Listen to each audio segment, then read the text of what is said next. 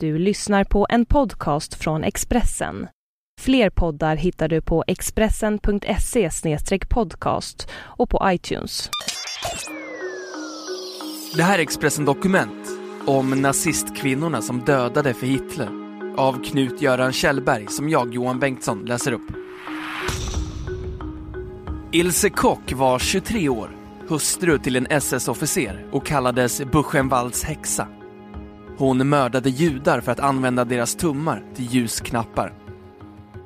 Tvåbarnsmamman Erna Petri, 23, mötte sex frusna och rädda judiska barn på gatan.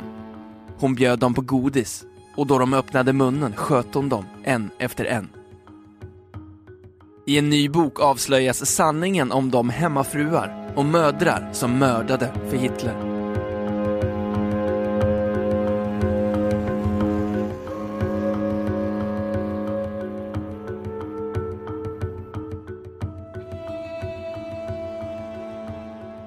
Nazisternas dödsmaskineri var männens värld, men inte bara. Kvinnor deltog också i förintelsen.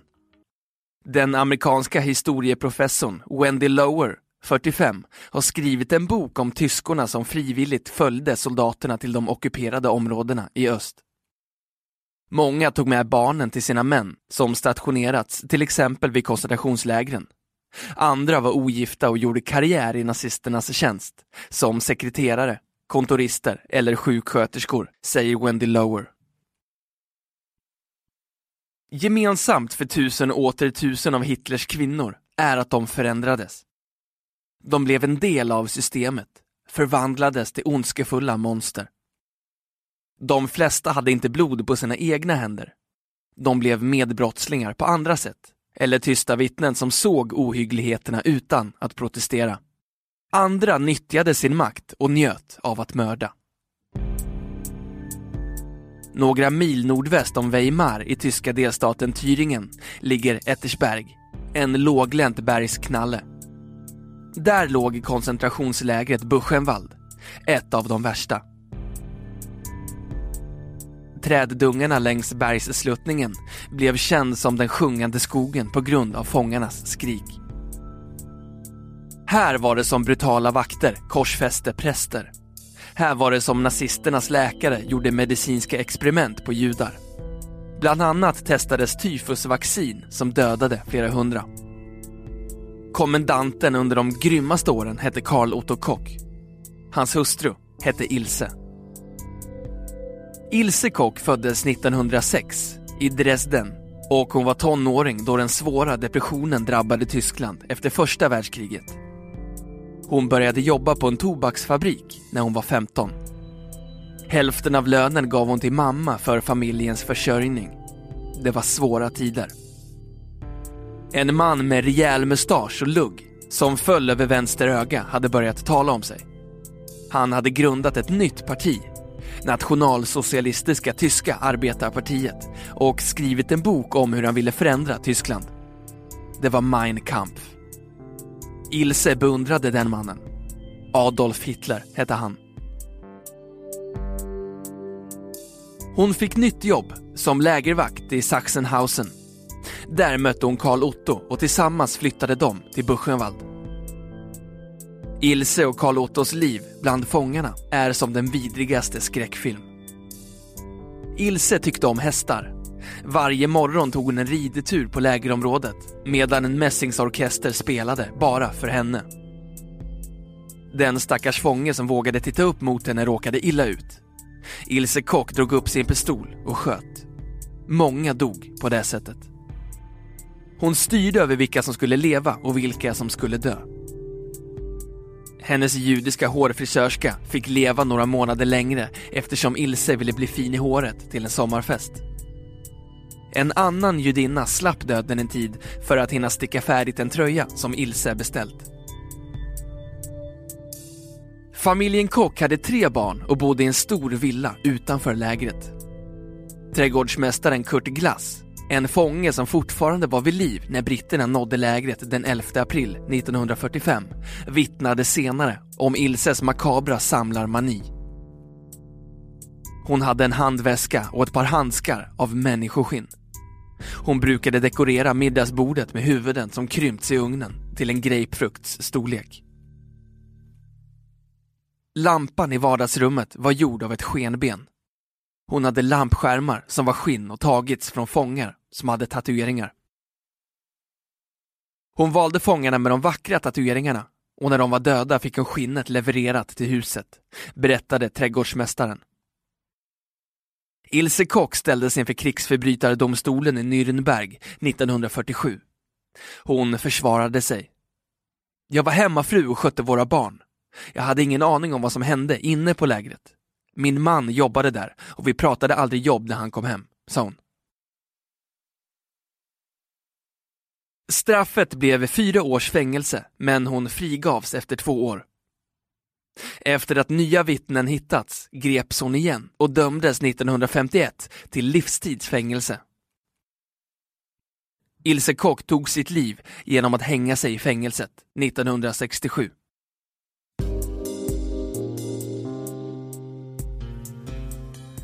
Författarinnan till boken, Wendy Lower, är professor vid ett universitet i München och hon började samla material för många år sedan.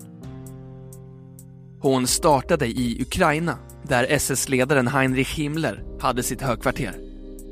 Då Sovjets gamla krigsarkiv öppnades hittade Lowers tyska dokument, många trasiga eller brända i kanterna, som nazisterna inte hann förstöra. Hon förvånades över hur många kvinnor som lämnat Tyskland för att arbeta med nazisterna i öst. Där var sjuksköterskor, lärare, tolkar och socialarbetare. Det var kvinnor som skötte varuhusen där stöldgodset från mördade judar såldes. De visste vad som hände. De kände till förintelsen. Allt annat är omöjligt. Inte många av dem ställdes till ansvar. De som stod inför krigsförbrytardomstolarna hade ungefär samma svar.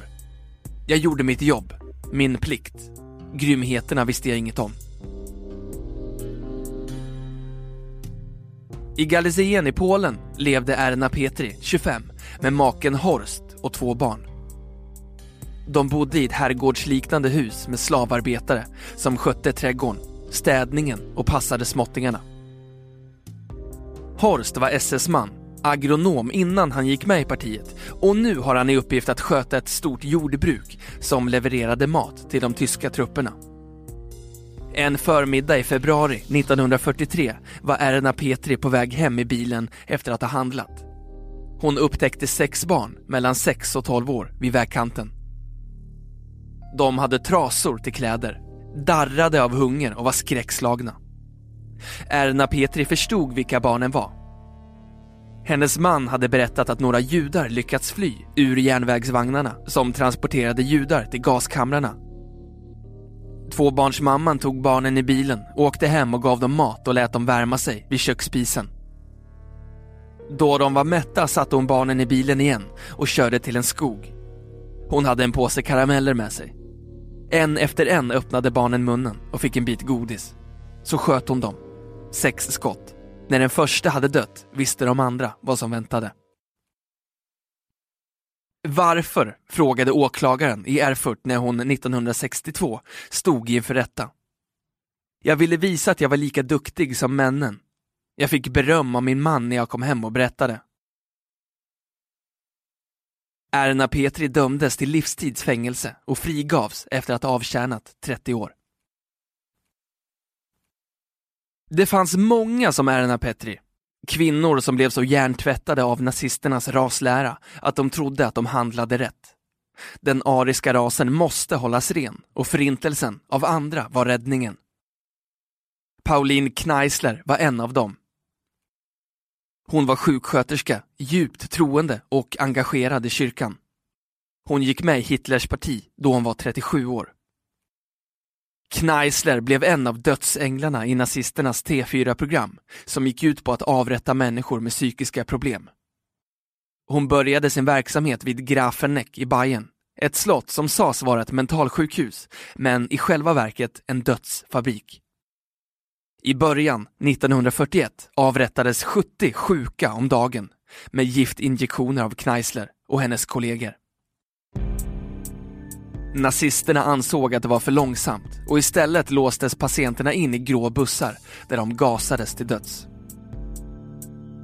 Kneisler fortsatte sin karriär vid förintelselägren Belzec, Sobibor och Treblinka. Hitler belönade henne två gånger med förtjänstmedaljer för insatserna. Hon dömdes efter kriget till fyra års fängelse för 200 bevisade mord. Sjuksköterskan ansåg att domen var djupt orättvis. Allt jag gjort var för mänsklighetens bästa, sa hon efter domen. Hermine Braunsteiner var född i Österrike, entusiastisk Hitler-anhängare och kallades av fångarna den stampande märren. Hon var ökänd i koncentrationslägret Majdanek, där hon piskade och sparkade ihjäl kvinnor och barn med sina stålhättade stövlar. Hon ställdes inför rätta 1948 och dömdes till ett kort fängelsestraff för misshandel och tortyr. Hon klarade sig lindrigt undan eftersom inga vittnen och ingen dokumentation fanns kvar. Sen Braunsteiner frisläpps emigrerade hon till USA, gifte sig, blev amerikansk medborgare och levde i många år ett vanligt hemmafruliv i Queens i New York. Nazijägaren Simon Wiesenthal lyckades spåra henne.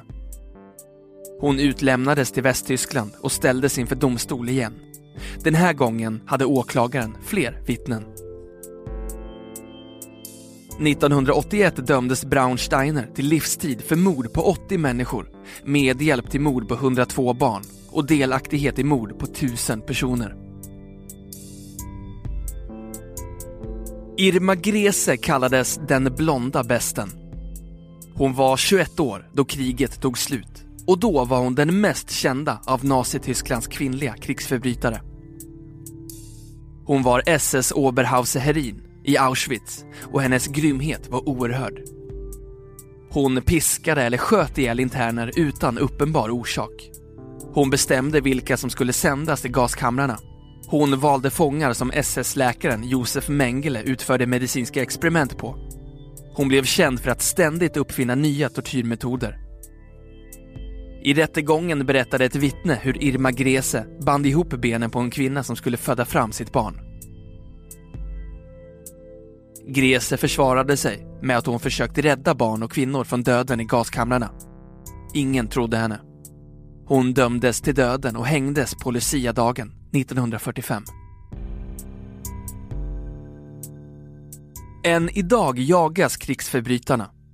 I Tyskland pågår förundersökningar mot sex kvinnor, alla i 90-årsåldern, som varit lägervakter vid Auschwitz och andra KZ-läger. En av dem är Elfriede Lina Rinkel, 91, som levde i över 60 år i San Francisco med sin mörka hemlighet. Dessutom var hon gift med en jude som dog 2004 och aldrig fick veta. Hon var lägervakt vid kvinnofängelset Ravensbrück det sista krigsåret. Hon hade en schäferhund som var tränad att döda och anklagas för att ha använt den mot fångar. Direkt efter kriget emigrerade hon och fick amerikanskt medborgarskap. Hon utlämnades till Tyskland 2006 och väntar på rättegång.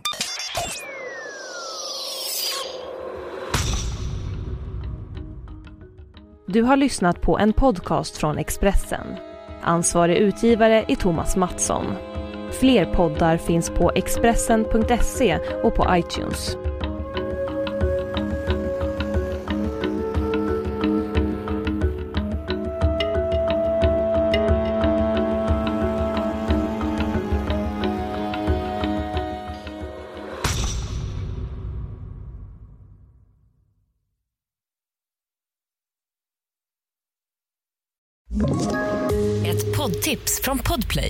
I fallen jag aldrig glömmer djupdyker Hasse Aro i arbetet bakom några av Sveriges mest uppseendeväckande brottsutredningar.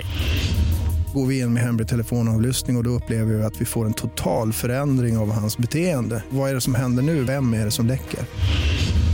Och så säger han att jag är kriminell, jag har varit kriminell i hela mitt liv men att mörda ett barn, där går min gräns.